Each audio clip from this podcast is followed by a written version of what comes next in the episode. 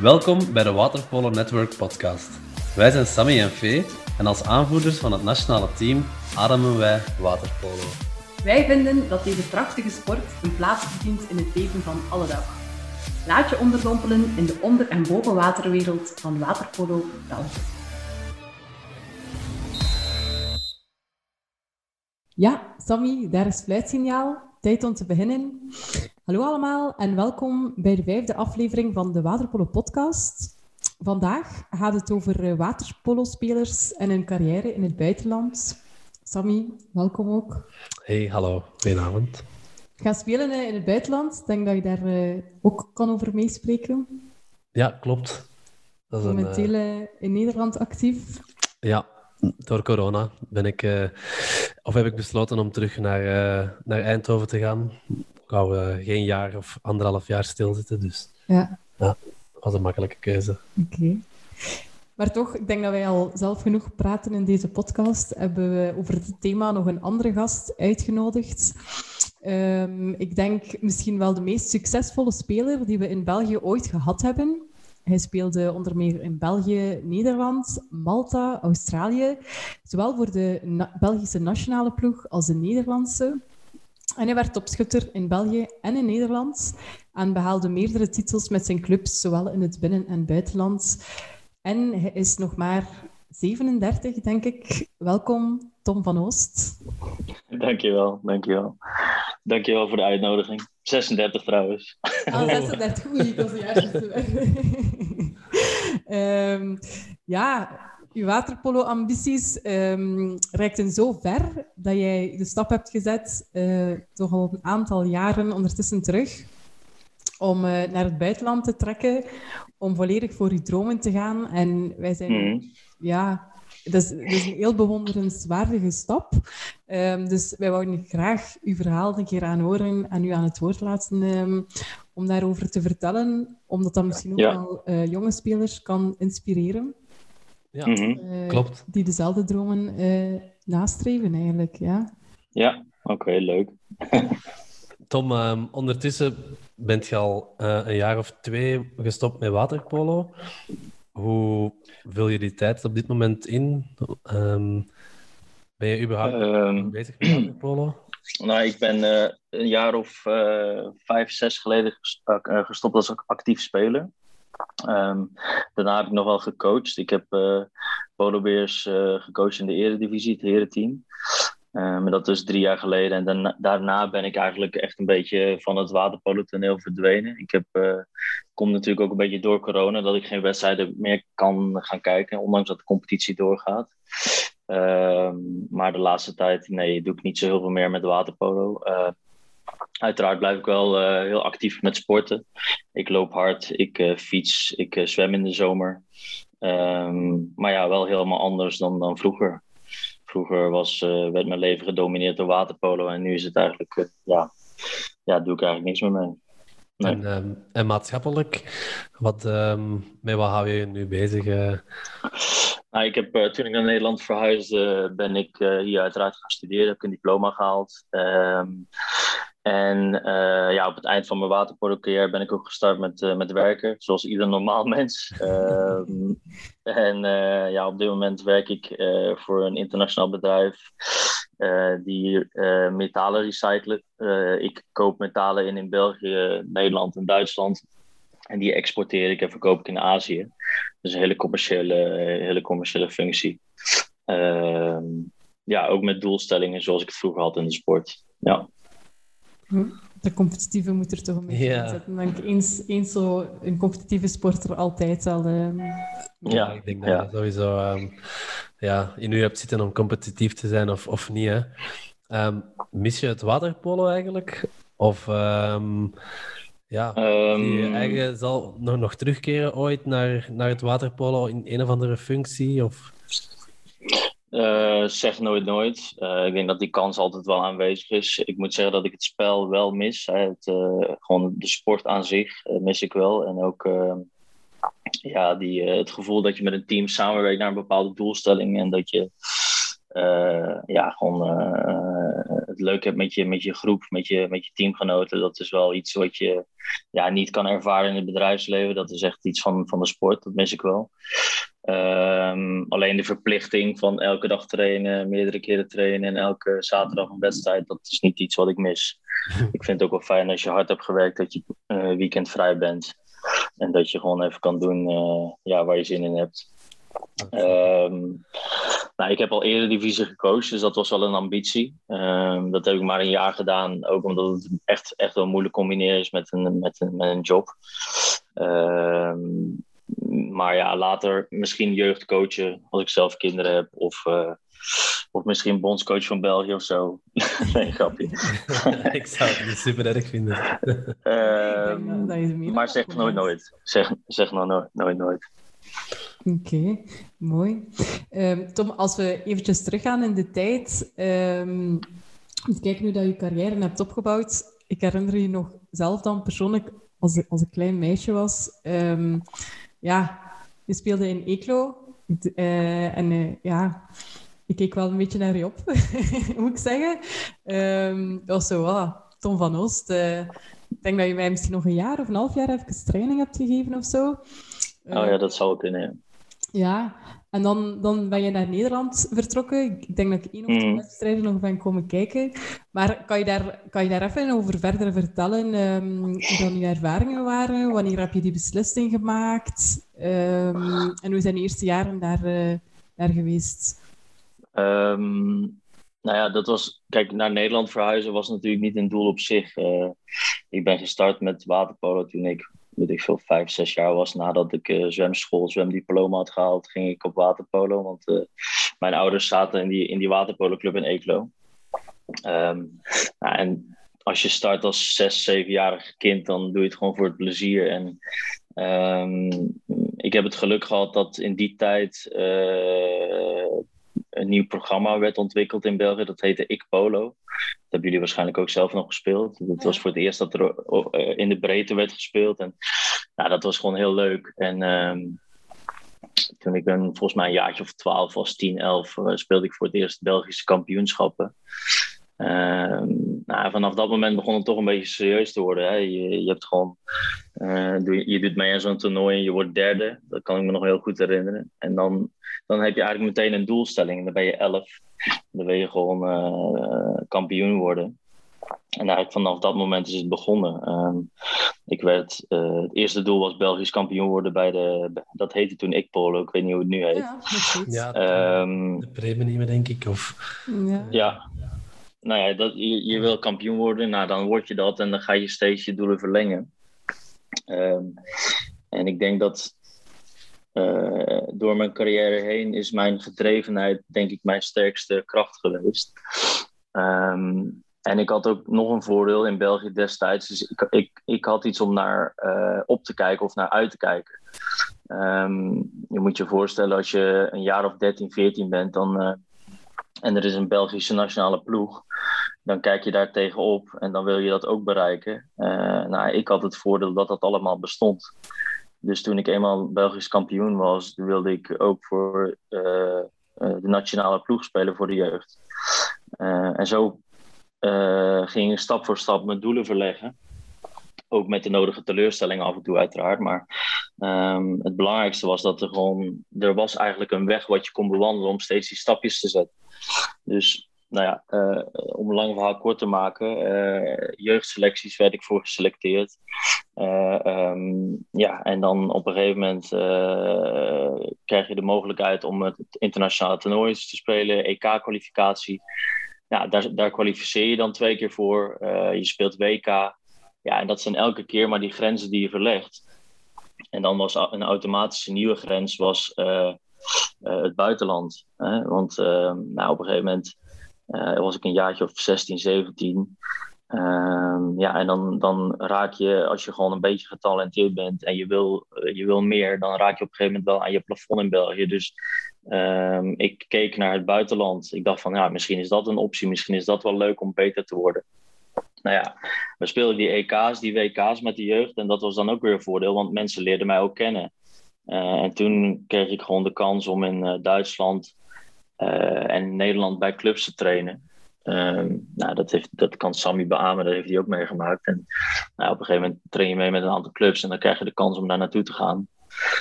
En dan ja, twijfel je eigenlijk geen moment. En dan ga je. Dus toen heb ik op mijn negentiende al mijn bezittingen ingepakt.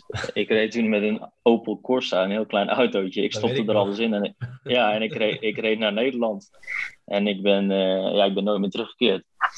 Ik woon hier nu uh, eh, 17 jaar, dus uh, eh, 18 jaar bijna. Ja. ja. En zo is dat gegaan. ja, ja dat, dat sluipt er misschien zo heel geleidelijk aan in. Zo, zo zoiets denk ik, um, zoals jij zelf zegt, zelf mm verleggen van je eigen grenzen. En, en waar stopt dat? Dat is waarschijnlijk iets wat iedereen voor zijn eigen... Um, ja, ja, natuurlijk. Ja, nou, het is een samenloop van gedrevenheid, wat ik net al zei, maar ook geluk. Hè? Um, nou, ik noemde net al op, ik had geluk dat er een ik-polo-competitie was. Vervolgens had ik geluk dat er een nationale jeugdselectie was. Vervolgens had ik het geluk dat ik bij Eeklo met hele getalenteerde spelers in mijn team speelde. Ook in het Belgische team met hele getalenteerde spelers. Ja, en alles bij elkaar opgeteld, ja, kreeg ik gewoon kansen. Die moet je overigens wel benutten. Ja. Ehm, maar het is een samenloop van, van hard werken, uh, gedrevenheid, ook een beetje talent uiteraard, maar ook geluk hebben in je carrière. En dan, uh, ja, dan, ja. Oh, sorry, zeg maar.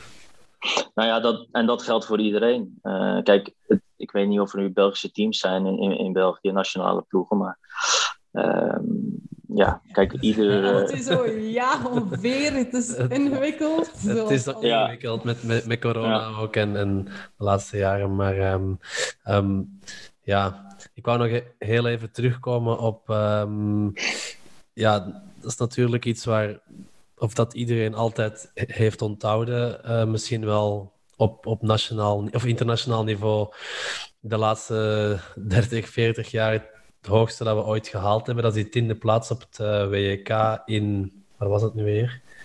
Uh, Napoli. En het was een twaalfde, twaalfde plek. Ja, ah, van twaalfde plek. Ik dacht dat het tien ja. was. Oké, het was mooier in mijn hoofd, maar nee. Um, ja, die, die generatie die daar um, toen die twaalfde plek heeft gehaald. Ik kan me herinneren dat er nog een wildcard bij betrokken was. Weet je nog hoe dat dan net is gelopen? Um... Uh, zeker. Wij, um, ons eerste EK was eigenlijk een beetje een, fiasco, zowel voor het team als voor mij persoonlijk. Ik had er heel erg naar uitgekeken, maar uh, wij reden van het hotel naar het zwembad in, in minibusjes. En uh, de chauffeur raakte de weg kwijt die, van het hotel naar het zwembad. Ik vraag me niet waarom, dus ze stonden langs de kant van de weg. En ik uh, had mijn hand op de deur. En iemand trok de, die, die, die schuifdeur dicht. Mijn vingers zaten ertussen. Dus mijn hele toernooi was verknald van voordat het begonnen was. Maar goed, daar, werden we zestiende. In Bari werden we volgens mij dertiende. Um, of twaalfde zelfs, weet ik niet goed meer. Maar Frankrijk en um, Nederland die konden naar het WK. Want zij waren uh, voor ons geëindigd. Alleen die gingen allebei niet, denk ik, door financiële mogelijkheden die ze niet hadden. En toen uh, kregen wij dus die wildcard. En dat kwam ook oh ja. uh, nou, sowieso wel onder invloed van Rick de Boever. Maar ik denk ook wel door de invloed van AB Fuchs. Ja. Dat was destijds een heel nou ja, hoogwaardige LEN-delegate. Heel, op, ja, prominent figuur op heel hoog niveau. Ook, uh, volgens mij zelfs Olympische finale gefloten, weet ik niet helemaal zeker. Maar, uh, dus hij heeft er wel voor gezorgd, of mede voor gezorgd, dat we toen die wildcard kregen. En dat was echt ons, uh, ons beste toernooi ooit. Uh, zowel voor mij persoonlijk tot dan toe al, al, als voor het team. Um, ja, dat was, ja, dat was echt de moeite waard. Ja. ja. Dat, was dan, dat was dat bij de jeugd nog? Dat was onder de 19 zeker, als ik me niet vergis. Um, of nog iets eerder? Um, ja, dat zou wel kunnen. Onder de 20 of zo, onder de 19. En hebben jullie dan, dan later nog verder gewerkt met die ploeg? Hoe, hoe is dat gegaan? Um, nou, nee, dat is dus het probleem geweest. Toen wij daar twaalfde werden, is eigenlijk het, uh, het, het jeugdprogramma, maar ook het A-selectieprogramma, ja, dat, dat, dat liep een beetje op zijn eind. En dat is gewoon ja, een beetje verwaterd. Um, ja, dat is doodzonde geweest. Volgens mij uh, uh, hebben we nog wel twee, ik het even goed zeggen hoor, twee of drie EK's gespeeld voor B-landen. Ja. Het laatste was in ieder geval in Manchester. Ja. Ehm, daar was ik nog bij. En daarna is het helemaal in elkaar gestort. Maar ik ben er wel van overtuigd, als je met die generatie had doorgewerkt eh, en een programma had gebouwd, dan had je nu eh, ja, sowieso uh, subtop van Europa mee kunnen spelen met de subtop van Europa. Echt waar hoor. gewoon niet structureel, maar wel gewoon, ik denk misschien om de vijf à tien jaar een keer een EK had kunnen spelen.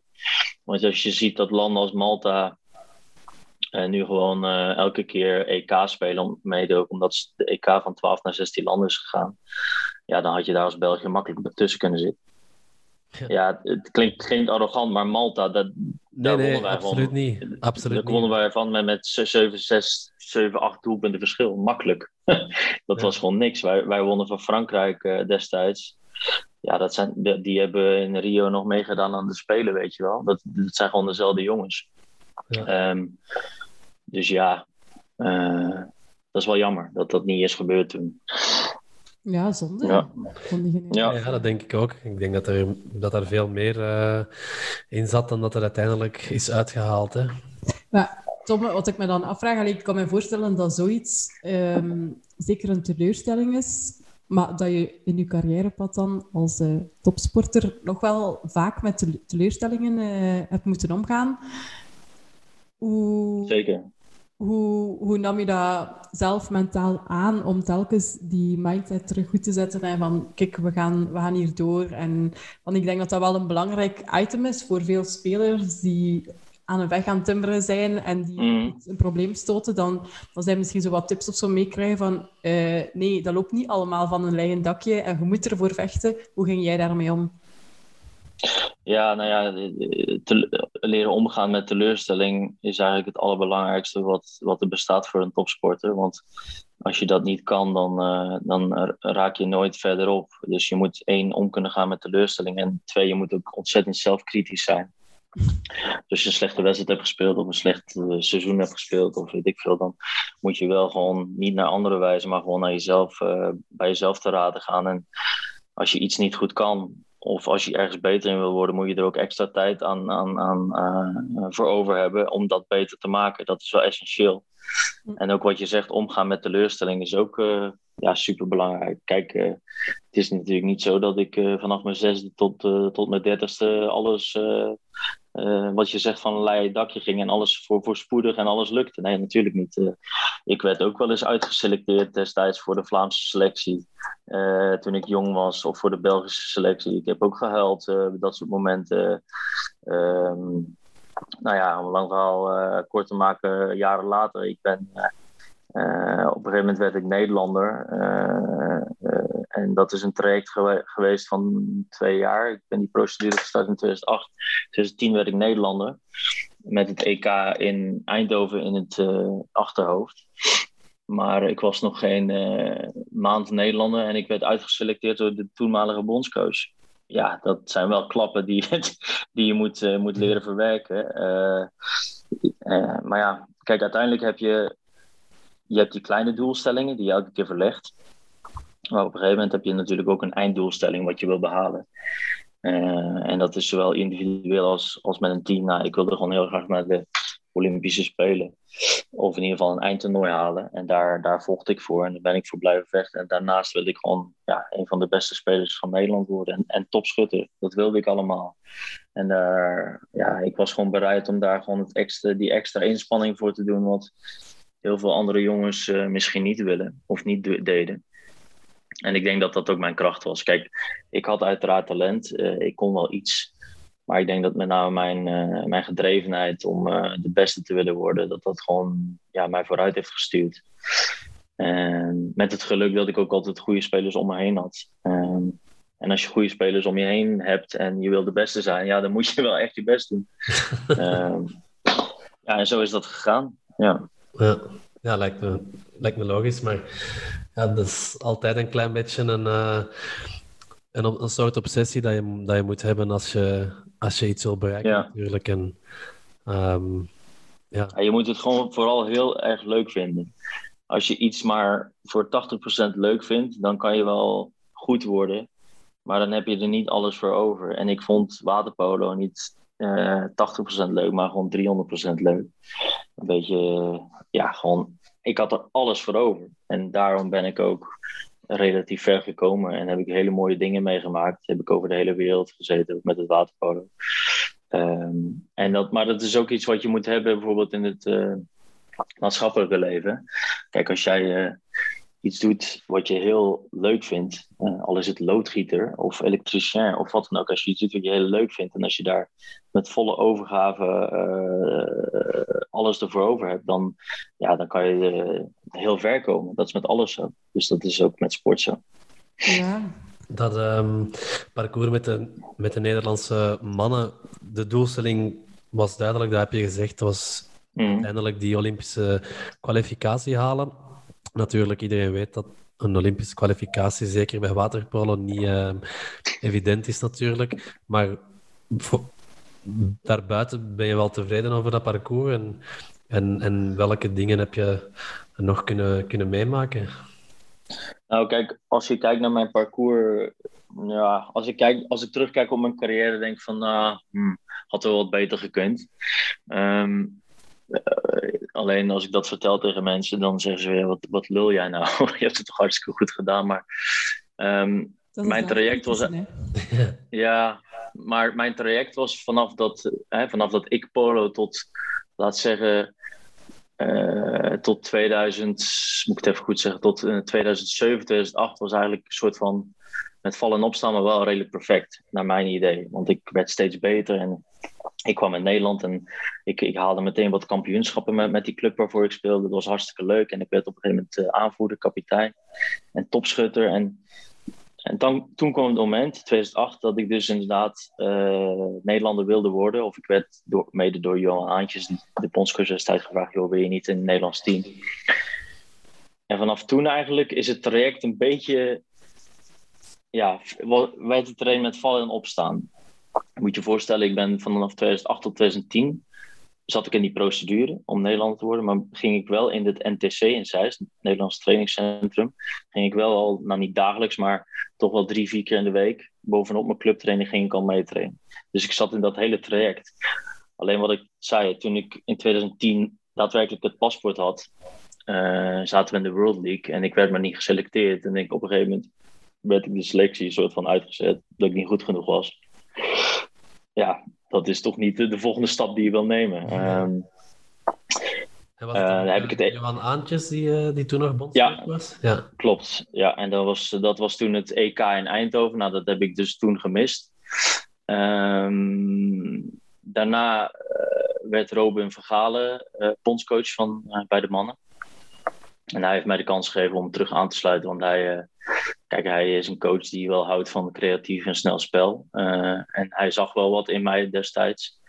Um, al ja, ik was wel een beetje in de laatste fase van mijn carrière. Dat was. Uh, um, ja, ik had inmiddels ook een blessure. Net iets, minder. Ja, ik had een blessure gehad van, van ik had een schouderblessure gehad. En, uh, maar goed, ik, ik ging mee met, uh, met ik ging terug meedoen met Oranje. Ehm, dat heb ik toen volgens mij anderhalf jaar gedaan heel veel wedstrijden gespeeld. Ook uh, mooie trips gemaakt naar Rio de Janeiro bijvoorbeeld, naar Moskou, uh, Malta. Nou, we hebben wel wat leuke dingen gedaan. Alleen um, toen hadden we op een gegeven moment EK-kwalificatie. Uh, er was een barrageduel met Rusland. Eén keer speelden we in Utrecht en één keer in Moskou. En dat haalden we niet. we, werden dus, we kwalificeerden ons niet voor het EK. Uh, en destijds was het ook nog het EK met uh, twaalf landen. Ja. Uh, en na de, het missen van die kwalificatie en na, ook na anderhalf jaar oranje uh, heb ik gezegd van oké, tot hier en niet verder. Ik was mentaal was ik op. En ook mijn schouders werkten ook niet heel, heel erg goed mee meer. Um, en ik dacht toen van oké, we hebben ons niet gekwalificeerd voor het EK. De Spelen, ja, dat wordt gewoon bijna ja, onrealistisch om nog te halen. Dus ik nam toen de keuze om toch te, stoppen en uh, ja. ja. te gaan starten met een maatschappelijke carrière. En het cynische daarvan is, is dat echt volgens mij een jaar of een half jaar later werd het EK van 12 naar 16 landen. waardoor Nederland redelijk makkelijk kon kwalificeren. Ja. En uh, konden ze toch nog deelnemen aan het OKT. En dan haalden ze op één strafworp Klopt. niet, haalden ze net niet de Olympische Spelen. Dus... Frankrijk, ja. ja. ja. maar ja. Dus ja, dat is een stukje Maar goed, kijk. Ja, dat is ook het geluk, ja, geluk dat je moet hebben soms. Hè. Exact. En dat is wat ik zeg. De ene kant is gedrevenheid en de andere kant is geluk. En wat ook weer zo is, als, je als, als ik als vijfjarige jongen had gezegd uh, tegen mijn coach, ik wil de Olympische Spelen halen, dan had iedereen me uitgelachen. Maar moet je kijken hoe dichtbij ik was. Kijk, ik zat niet, niet meer in dat team toen met die strafworpen. Maar een jaar daarvoor zat ik er wel nog bij. Hè? Dus heel, het was in principe heel dichtbij. Het waren wel diezelfde jongens natuurlijk. En, uh... Dat waren allemaal dezelfde jongens, ja. ja. ja klopt. Hm, Oké. Ja. Ehm, en Tom, in Nederland, dan had je echt het statuut als uh, topsporter. Dus jij uh, je was echt fulltime bezig met waterpolo? Of combineerde je dat? Um... nou ja, ik was gewoon student in principe. Um, en dat was wel een voordeel ten opzichte van de Belgische universiteit of hogeschool, deed ik. daar had je een topsportstatus. Dus ik, ik was daar aangemeld als topsporter. Dus ik kreeg ook een persoonlijk begeleider. Ehm, en het voordeel van was, ik kon um, lessen kon ik missen of met een andere klas volgen als ik training had. Of als ik in het buitenland was, voor Europa Cups bijvoorbeeld. En ik kon mijn tentamens, uh, mijn examens kon ik verplaatsen uh, door middel van mijn topsportstatus. Dus ik kon zeggen van oké, in dit blok kan ik geen examen doen, ik, ik doe het drie weken later. Dus die vrijheid had ik. Dus wat dat betreft was ik wel een topsporter. Ehm, maar goed, het is natuurlijk geen professionele sport uh, in Nederland. Maar ik werd destijds wel echt goed gefaciliteerd. Ik, toen ik naar, in, naar Ede verhuisde om bij Polarbeers te spelen, um, kreeg ik een huis. Of in ieder geval, ik, ik kreeg een woonruimte die de club voor me betaalde. Ik kreeg ook een, een, een, een auto van de club. Uh, dus ik had geen vaste last eigenlijk. Dus huis en auto was allemaal betaald. Daarnaast kreeg ik ook nog wat zakgeld. En ik heb eigenlijk vanaf het begin dat ik in Nederland zat, daarvoor eigenlijk al schreef ik ook uh, stukken voor waterpolo.nl, destijds man meer. Daar kreeg ik dus ook wat, wat geld voor. Uh, dus in principe was ik aan het studeren, aan het trainen en schreef ik wat, uh, ja, wat, wat sport, uh, deed ik wat sportjournalistiek voor, voor Man Meer. En dat, dat was mijn leven. En dat heb ik heel lang kunnen volhouden, omdat nou ja, je hebt gewoon heel weinig vaste, vaste lasten. En dan hoef je inkomen natuurlijk ook niet zo, zo hoog te zijn. Nee, nee. Maar je, je kan niet spreken van, van professioneel prof. Dat, dat bestaat niet in Nederland. Tenminste toen niet en ik denk nu ook nog, nog steeds niet. Nee. En hoe vaak moest je toen trainen? Was dat dagelijks, meerdere keren per dag? Of hoe zag zo'n schema eruit? Ja, ik, ik trainde wel uh, um, vier keer met de club. Dat was altijd maandag, dinsdag, donderdag, vrijdag. Dan train ik woensdag altijd voor mezelf uh, in het krachthonk. Um, dat was de club. En dat heb ik dan natuurlijk de eerste jaren alleen gedaan. Um, want ik, ik was natuurlijk geen Nederlander, dus ik trainde gewoon alleen bij Polarbeers destijds. Dan, en ik kwam af en toe nog wel naar België om met Belgisch team te trainen. Um, en later, toen ik aansloot in 2008 bij het NTC, ging ik wel naar. Uh, daar train ik volgens mij drie à vier keer in de week overdag. Dus ging wel naar twee keer, twee keer per dag, ja. Dat heb ik toch een aantal jaar gedaan. Ja. Ja, dan merk je wel uh, verschil waarschijnlijk. Hè? Als je van één keer per dag ja. uh, naar ja, één à twee keer per dag gaat. Dat doet, uh, ja. nou, te veel. Ja, ik denk, denk dat je dan ook gewoon echt enkel nog met dat bezig bent. Allee, dat dat een ja. hyperfocus is, dat dat echt gewoon op je sport ligt. Of dat je dat niet, niet kan Klopt. houden. Klopt. Ja, ja mijn opleiding... Ja. Sorry, was je toen ook nog aan het uh, studeren terwijl? Of, uh, ja. Ja, toch ook. Dat was ja, wel ik, te combineren. Ik, ik heb ook...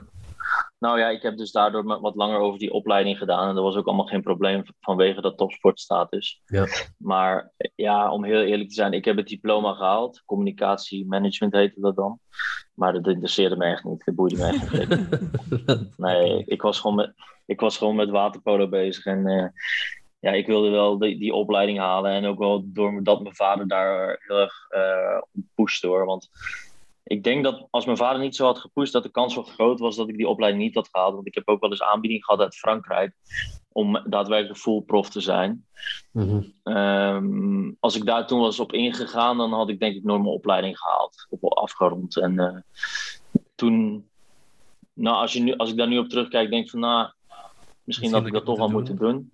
Maar ja. ja, goed, ik heb, ik heb nou dat diploma, ja, dat is ook prima. Ja, ik denk ach, achteraf gezien dat dat toch altijd uh, de slimste keuze is geweest. Um, om, om ja, een plan B te hebben. Hè. Je weet nooit dat je, Ja. dat je op je 25 een blessure hebt, eh, waardoor dat je misschien gewoon niet meer kan spelen. Of, ehm, Nee, dat, Kijk maar dat naar, naar Ruud zo. van der Horst, die, die is volgens mij ook Ja. nog, geen- nog geen 30 op dit moment. En Nee. ehm, ja, die is, die is ook moeten stoppen. eh. Ehm, Tom, wanneer ben jij ongeveer... Wat was de volgende stap? Malta of Australië? Ehm, nee, eh, Malta was, ehm, was een zomerseizoen, hè? was een zomerseizoen. Dat was, ik heb goed nadenken over het jaar dat hoor, voor het jaartal. Volgens mij was dat 2006, 2007 geloof ik. Dus toen vertrok ik net na de playoffs in Nederland, dat was mei. Ah. En toen kwa- kwam ik terug, eh, ja, volgens mij een dag voordat, een dag voordat we Supercup speelden. Dus dat was denk ik september, oktober. Ehm, dus dan speelde ik in de competitie in Malta. In Malta heb je twaalf clubs. En de eerste ronde spelen alle twaalf clubs tegen elkaar. En dan na één speelronde worden twee clubs in twee divisies verdeeld. Een eh, Premier League en een Second Division of zoiets. Ja. En dan speel je nog een keer een ronde met, eh, met je eigen divisie. Ja. Ehm, ja, Malta was een fantastisch avontuur. Je moet je voorstellen dat in, in, in Malta is waterpolo net zo groot als voetbal. Ehm, dus bij die topwedstrijden zitten gewoon duizenden mensen. Is er gewoon eh, militaire politie aanwezig om die fans uit elkaar te halen. Ehm, ja, dat is, dat is geweldig. Ehm, en in Malta spelen ze dus allemaal met Mal- Maltese spelers. En in de, in, voor de zomer, of de Summer League, mo- mocht elke club, volgens mij is het nu twee, maar in mijn tijd mocht elke club één buitenlander halen. Ehm, en die top vier clubs, die haalden echt absolute toppers. In mijn tijd speelde Tibor Benedek daar. Tamas Marks, dat waren allemaal Hongaarse Olymp- ex-Olympische kampioenen. Ehm, en die mindere clubs, die haalden dan prutsen zoals ik. dus eh, nee, maar dat was fenomenaal. Het was gewoon, eh, en ook wel een leuk leven hoor. Het was gewoon één keer per dag trainen. En dan in het weekend een wedstrijdje. En ik had daar ook een appartement vlakbij het strand. Eh, eten was geregeld, want elke club heeft zijn eigen restaurant. Dus je kon er altijd eten. En ik werd daar eh, ja, in het zwart betaald, zoals je dat zegt, met een bruine envelop. Ehm, ja, maar ja, dus, het is ook gewoon echt eh, een beetje een cowboywereld. Want ja, ik, ik moest dan elke keer naar, na, na de wedstrijd, moest ik elke keer naar, naar het kantoor van, van die voorzitter. En dan kreeg ik mijn bruine envelop. Ja, dat is echt. En als ik niet eh, twee à drie goals of vier goals had gemaakt, zat er gewoon minder in de envelop. En ehm, En Dus was eigenlijk- dat voorhand ik- ik- afgesproken? Of, of dat was... nou ja, je kreeg gewoon wekelijks een vast bedrag. En eh, Ah, ja. nou ja, wat ik zei, op een gegeven moment ging ik naar die, naar die vent toe. Ik kreeg die envelop. En ik kijk in die envelop, ik zeg, joh, er zit te weinig in. Zegt hij, er zit helemaal niet te weinig in. Ik zeg, we hebben toch eh, zoveel afgesproken. Ja, zegt hij, maar we hadden ook afgesproken dat jij eh, drie à vier goals zou maken. Dus eh, als jij volgende keer minder goals maakt, dan krijg je helemaal niks. dus dat soort, eh, dat soort dingen allemaal eh, maak je mee. Ja, dat was, wel, dat was wel echt leuk hoor. Echt leuk om mee te maken. Ja, dat lijkt me wel. Ja. En, en, En Australië, Ja, ja, ja, ik ging net vragen. Ja, in Australië heb je ook nog gezeten, geloof ik? Ja. Ja. Nou, toen ik, eh, toen ik, werd, toen ik een beetje... eh, nou ja, ik lag niet in conflict met Johan Aantjes, maar hij selecteerde mij gewoon te weinig naar mijn zin. Ehm, toen was ik daar wel een beetje klaar mee met het eh, Nederlands team, weet je. Ik, ik trainde daar al drie jaar. Ik heb, eh, van, ben van nationaliteit veranderd en ja, ik werd maar niet opgeroepen. Of in ieder geval, ik, ik mocht die wedstrijden niet meedoen. Dus ik was er dermate klaar mee dat ik zei van ja, flikker maar op, ik ga weg hier. Dus toen, eh, ehm, ik weet niet meer hoe ik daarbij ben gekomen. Volgens mij speelde Mieke Kabout, een Nederlandse speelster, speelde toen in Australië. En volgens mij, via mijn ex-vriendinnetje, eh, kreeg ik te horen dat ze nog in, bij een club in Australië een, een speler zocht. En toen is dat zo via via gegaan. En toen eh, is dat eigenlijk in een, een kwestie van een paar dagen is dat beklonken. En toen zei ik, eh, joh, ook tegen de bondscoach destijds, van joh, ik ga, ik, ik ga naar Australië en eh, we kijken wel als ik terug ben hoe, het, eh, hoe de vork in de steel zit, of je me nog wil selecteren of niet. Ja. En toen ben ik dus naar Australië gegaan en dat was, ehm, volgens mij een maand of tien was dat. Ja, één seizoen. Ja, want Ook wel leuk, hoor, want- Een, een stevig Ja. niveau, hè? Dat is toch ehm, wel full pro, of, of ben ik mis? Nou, ehm, die topclubs, er zijn vier clubs, dat zijn wel echt uh, een beetje vergelijkbaar met Nederland. Ze zijn echt niet echt profs of zo, maar ze trainen wel twee keer per dag. Oh, Ook heel veel is gerelateerd aan universiteiten en zo.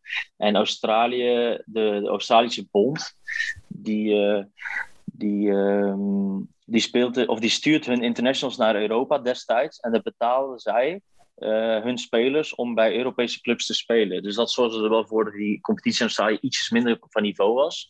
Ja. Maar ik denk dat, uh, ik denk dat nou, een beetje hetzelfde niveau als de Eredivisie in Nederland, misschien ietsjes beter.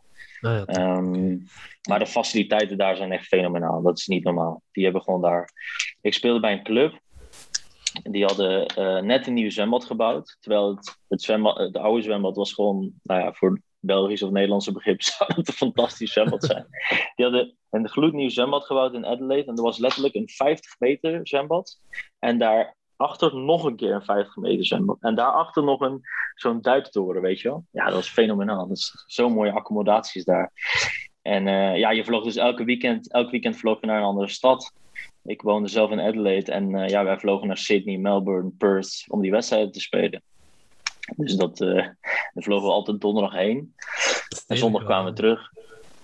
Ja, maar was wel leuk, joh. Dat was wel leuk. En, en hoe is dat daar qua supporters? Is daar, of qua bekendheid, waterpolo, is, is dat daar toch nee. wel groter of niet, niet echt? Nee, nee, nee. nee. Zwemmen is daar heel groot in Australië. Ja. Maar uh, waterpolo, nee. Je kan dat denk ik wel een beetje vergelijken met, uh, met hoe populair het in Nederland is. Ja. Dus uh, nee, geen, ondanks dat het Australische team wel echt goed is, ja. valt het wel mee dat die competitie is niet zo super bekend of zo. Daarvan is Malta, daarvan is Malta, wel beter. Zo, zo mooi. Ja. En vergis je niet, hè, de top 2, top 3 van Malta, die zijn beter dan de kampioen van Nederland. Hè. Dat zijn echt goede teams hoor. Ja? Dat zijn echt goede, ja, zeker als ze twee van die buitenlanders erbij hebben. Die, dat zijn echt stevige, stevige ploegen. Ja. Ja, dus ja. Als, als ik zo uw ervaringen en uw verhalen hoor, allee, ik denk, we, we zien alle, alle, alle tijd zo direct de mooie kant van het verhaal. Je super ervaringen, mm. herinneringen die je meedraagt. Maar ik kan mij voorstellen dat het ook een keerzijde heeft. Um, je hebt telkens wel op een andere plaats opnieuw je leven een beetje moeten opbouwen, vrienden achterlaten, mm. familie achterlaten. Um, hoe voelde je dat aan? Had je daar soms lastig mee? Of was, was het jou dat echt wel waard? Um, nou, om heel eerlijk te zijn, heb ik daar nooit last van gehad tijdens mijn carrière. Omdat je gewoon ja, die focus hebt. Um, net zoals mijn opleiding, het interesseerde me niet. Nou, uh, de rest ook niet. Kijk, en je, je, je, moet je ook. Het is, ik ben ook geen marathonloper, hè, dus het is natuurlijk wel zo: overal waar je komt, speel je in een team ga je ook uit met dat team, uh, drink je een biertje met dat team. Dus je hebt ook gewoon echt wel een sociaal leven tijdens de topsportcarrière. Ja. Maar inderdaad, wat je zegt, omdat je natuurlijk van België naar Ede, naar Alphen, Utrecht, Amsterdam, Australië, ja, je hebt overal gewoond. Um, heb je niet uh, wat jullie hebben in je thuisomgeving, een aantal vaste vrienden. Uh, ja, dat heb je niet. Dat heb ik ook niet. Nou, wat ik, ik heb wel het geluk dat ik.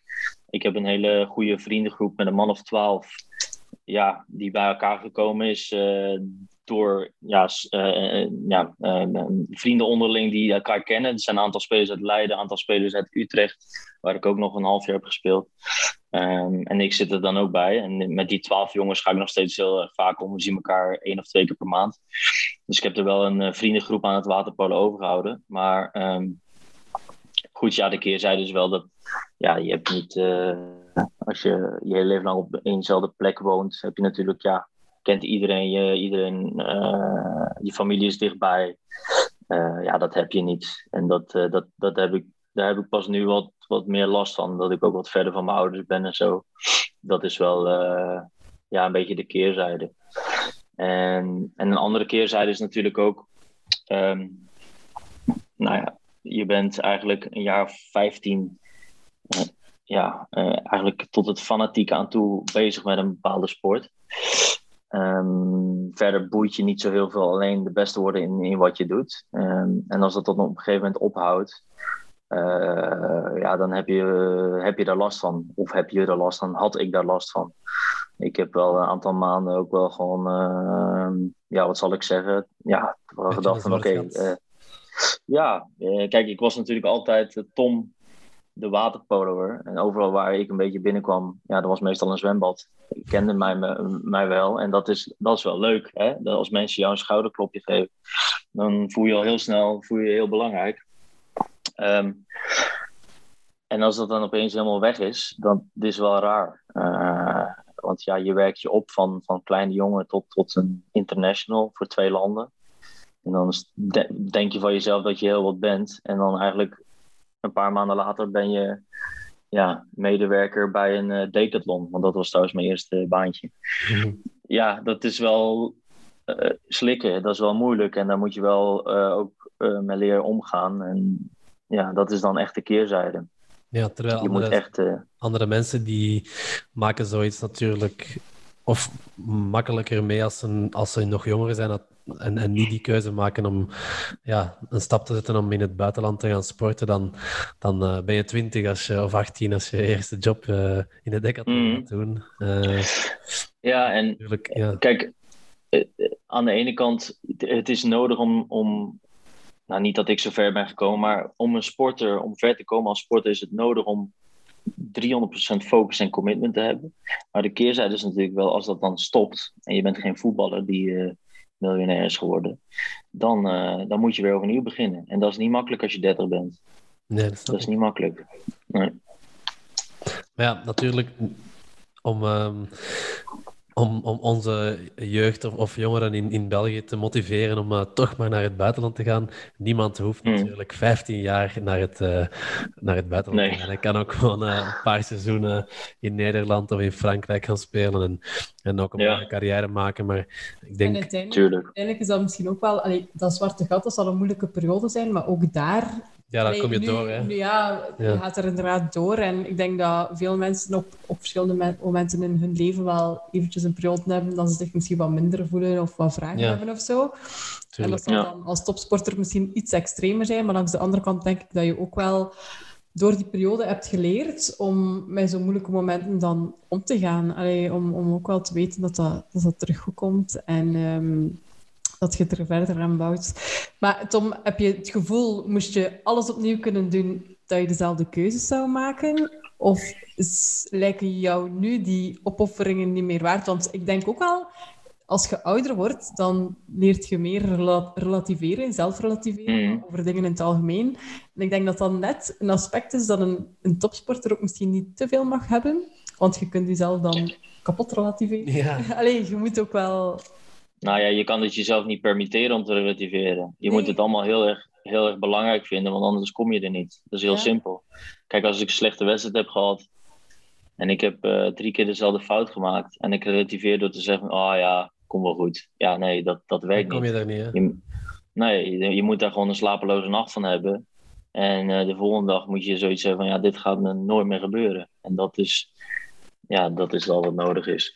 Uh, maar om je, op je vraag terug te komen, ja, zou je dingen anders hebben gedaan? Nou, ik denk het niet. Ik, ik, ik kijk, uh, voor mijn professionele carrière is het wel, was het beter geweest als ik op mijn 23e was begonnen met, met. Maar ja, wie kan zeggen uh, wat voor, ja, wie kan zeggen wat ik heb meegemaakt en wat ik heb gedaan? Het heeft natuurlijk als mens gevormd. Ik denk dat ik door mijn sport ook heel veel competenties bezit die andere mensen niet bezitten in het bedrijfsleven. Ja. Um, en uiteraard zijn er natuurlijk wel accenten die ik anders had gedaan in mijn carrière. Um, misschien af en toe iets diplomatischer naar mijn, naar mijn coaches of zo. maar ja, er zijn, er zijn, altijd wel wat dingen die je anders had kunnen doen. Maar in de grote lijn, nee. Want ik, ik geloof daar ook niet in om terug te kijken en te zeggen: ja, ik had dit anders moeten doen. Nee, je doet, je doet op dat moment um, wat je denkt wat het beste is. Ja. En je moet ook je moet keuzes maken in het leven. Want als je dat niet maakt, kom je nergens. De ene keuze gaat goed en de andere, de andere gaat wat minder. Ja. Ja, daar, daar leer je ook uit, hè. uiteindelijk. Um, wat je zegt, ja, ik, ik zou nu diplomatischer zijn, uh, maar dan neem je ook mee naar je, naar uw maatschappelijke carrière en um, nadien om mm. met, uw, met uw baas of, of met uw collega's om te kunnen gaan. Uh, denk, ja. ja. Ja, het zijn ook ervaringen. Nee, dat is ook zo. Hè? ja, ik bedoel, ja. ja. Ja, klopt, klopt. Okay. Ja. En, Tom, misschien um, zo ook om af te sluiten stel dat er nu jonge spelers zijn in België of alleen maar niet uit waar, die echt groot durven dromen en voor, voor een topsport tussen haakjes dan carrière willen gaan. Heb je Mm. bepaalde tips die je zou willen meegeven eh, naar hen toe? Nou ja, ehm, dat is eigenlijk een beetje de conclusie van het verhaal. Eh, als, je, als, je, als je erin gelooft, dan eh, kan je gewoon heel ver komen. Dan maakt het niet uit waar je vandaan komt. Ehm, kom je nou uit Eeklo of kom je nou uit eh, Amsterdam of uit Belgrado? Je kan gewoon ver komen als je er maar gewoon alles voor over hebt.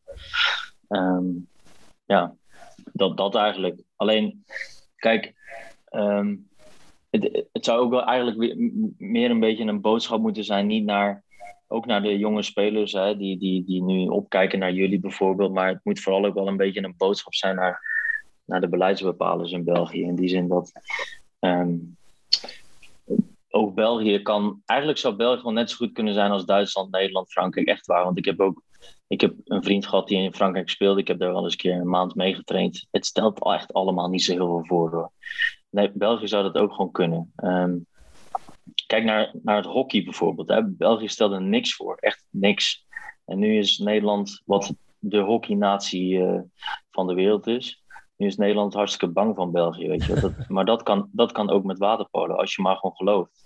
En als jij gewoon vijf, tien jaar werkt, goed werkt met een groep, dan, dan kom je ergens. En ik weet niet of je het herinnert, maar in het beg- begin van het gesprek zei ik ook: ik ben steeds beter geworden omdat ik iets had om naartoe te werken. Ik wilde Belgisch kampioen worden, nou dat kan nog steeds bij jullie. Eh, maar ik wilde die voor het Belgische jeugdteam spelen. En Ja. met dat jeugdteam wilde ik de EK halen. En toen wilde ik bij de Belgische A-selectie spelen. En als dat, niet, als dat niet hoger kon, wilde ik voor de Nederlandse selectie spelen. Maar je moet dus als federatie wel creëren dat je dus dat je jongeren iets hebben om naar uit te kijken. En het gaat hartstikke goed met waterpolo in België. Want volgens mij zijn er nog steeds eh, binnen de zwembond is waterpolo de best groeiende sport. Ja. Mhm. Ehm, nou, en, maar je moet, ze moeten een keer stoppen met elke keer maar te gaan werken met de 12-jarigen en dan twee jaar werken en dan stoppen. Nee, je moet werken met de volwassenen. Je moet een A-selectie hebben, een nationale ploeg. En als je alleen maar geld hebt om één team ehm, de, Europa rond te sturen, dan moet je dat doen met de volwassenen en niet met de jeugd. Want als je die volwassenen hebt met dat nationale team, dan heb je dus iets voor de jeugd om naartoe te werken. En laat ze met de jeugd maar regionaal werken. Maar je moet gewoon een nationaal team hebben. Met een goede bondscoach, met een goed programma. En al die andere dingen, Vlaamse, al die, dat, dat hoeft allemaal niet. Dat hoeft, als je die nationale ploeg maar op orde hebt, dan moet je ook gewoon met die jeugdteams werken. En dat, dat is gewoon iets wat. eh, ja, ik weet niet of jullie nog wel eens toernooi hebben gespeeld, maar ik kan me niet herinneren dat na 2007 nog een eh, kampioenschap is gespeeld met, die, met, die, met, jullie, eh, Hm. met jullie team. En dat is gewoon doodzonde. Dat zonde inderdaad. Ja, ja. Ja. maar we, wij hebben zelf nu de laatste twee jaar ehm, hebben wij zo wat toernooien, ges- allee, gewoon vriendschappelijke toernooien gaan spelen en de nationale Ja. ploeg Mhm. En ik moet zeggen, ik heb ook gemerkt, plots was er zoveel meer te doen rond waterpolo. Ja, ja, ja, dat wel, dat dat zo wat de positieve vibe of zo Kijk, we zijn, we zijn ehm, E- eh, EU Nations gaan spelen de laatste twee jaar, dus voor corona. En dat is eigenlijk, komt dat ehm, een beetje neer op een BEK. Ehm, en eigenlijk is het volgens mij de EU Nations voortgevloeid uit de North Sea Cup. Dat kent je ook nog wel. Oké. En Ja. eh, de, de landen die de North Sea Cup organiseren, dat was België toen in een tijd ook bij. Maar dan zijn ze daar voor een of andere reden weer uitgestapt. Alleszins die landen ehm, die zijn dan gestart met de EU Nations. En dat is een toernooi voor alle landen, zeg maar, die basically net de kwalificatie niet halen voor het EK. Ehm, Ja. dus wel- welke landen zijn daar? Portugal, wij waren er dan. Ehm, Zwitserland, Tsjechië en zo verder. En, en dat zijn allemaal landen die, die ik nu opnoem, die doen wel altijd gewoon mee aan de EK-kwalificatie. Ze halen het meestal niet. Maar Mhm. ehm, ja, tegen die landen doen wij het gewoon ook ja, heel goed. En ehm, Ja. tegen Portugal winnen we, ehm, tegen Zwitserland winnen we, worden derdes op, derdes op, op het toernooi. Oké, toen Ja, maar Portugal Sammy, weet je, er zit gewoon potentie en dat zit Ja, al jaren. ja, ja. Dat, en, maar je moet gewoon ook, ook je moet op je bek durven gaan. Hè? En dat moet de federatie ook begrijpen. Kijk, als jij nooit werkt, ja, dan, dan verlies je altijd met 10 doelpunten verschil tegen die wat betere landen. En ja, dan kan je wel elke keer zeggen, ja, dit schiet toch niet op. Nee, juist wel. kijk, met dat team wat wij waar wij twaalfde van de wereld mee werden onder de 20. De allereerste wedstrijd was in Portugal. En toen speelden we tegen Portugal. Ja, dat waren echt een stel prutsers bij elkaar. maar wij, wij verloren met 11-1 of zo tegen Portugal. En drie jaar later stonden wij op de EK. Twee jaar later stonden wij op de EK. Weet je? Dus het kan allemaal heel snel verkeren, maar je moet gewoon ergens uh, voor durven gaan. En, en ja, de potentie is er. En ja, ik weet dat het allemaal heel complex is in België, maar uh, ja, uh, als je erin gelooft, dan, dan, dan komen jullie er. Dus 100% ben ik daarvan overtuigd. Als, als wij dat toen konden in, in 2000, waarom zou het nu niet kunnen? Kijk, en je zal niet elke, elk jaar een EK halen met de jeugd of met. Maar je kan toch als doel stellen dat je één keer in de tien jaar een EK haalt. En ja, ik, ik heb mijn mooiste ervaring was gewoon de eerste keer dat we ons kwalificeerden voor de EK met de jeugd van België. Ja, dat is iets wat je nooit meer vergeet. Dat is die, die, die emotie die toen loskwam. Ik heb daarna nog heel veel mooie momenten meegemaakt in kampioenschap en zo. Maar die emotie die, die, die loskomt als je met je land onverwacht kwalificeert voor een, ja, een Europees toernooi. Dat is ja, het mooiste wat er is. Een nationale ploeg hebben is, is een reden, laten we het zo zeggen, om af te sluiten, om, um, om de kans te wagen en, en motivatie te hebben om naar het buitenland te gaan. En ja, um, ja. ja daarom dat het zo belangrijk is, denk ja, ik. voilà. Inderdaad. Oké. Okay. Tom, alleszins um, bedankt om je ervaringen te komen delen. Uh, ik denk dat het zeker Graag gedaan. een bron zal zijn voor veel uh, spelers. Zeker. Uh, nou, jullie bedankt voor de uitnodiging. Het was leuk om eventjes na te vertellen wat ik hier heb gedaan. Ja, ja, klopt. Het was ook tof om, uh, om, om nog eens over waterpolo te praten ja, met u. Ja, ja. Tijd geleden, ja. Klopt. Ja, heel lang geleden, hè. Ja. Nou, heel veel succes, jullie allebei. Ook met uh, de kwalificatie dan, volgend jaar. En yes. uh, we spreken elkaar wel. Zeker, Zeker weten. Oké. Okay. Um, ondertussen hebben wij vijf afleveringen Jawel. zitten van een podcast. Het is de vijfde al. Ja, ja. Het gaat snel. Um, we zijn ook wel benieuwd wat dat de luisteraars van de podcast vinden. Ja. Dus jullie mogen dat zeker laten weten via social media um, of aan ons rechtstreeks. En uh, als er nog thema's zijn of ideeën van dingen die jullie graag aan bod willen laten komen. Um, of je wilt een, uh, een meet and greet met Tom van Oost, dat kunnen we altijd regelen. Ja. voilà. Oké. Oké, okay. Tom. Tot de volgende. Fee, bedankt. Tot de volgende keer. De volgende. Dankjewel. Gelukkig. Yo. Ja. Voilà,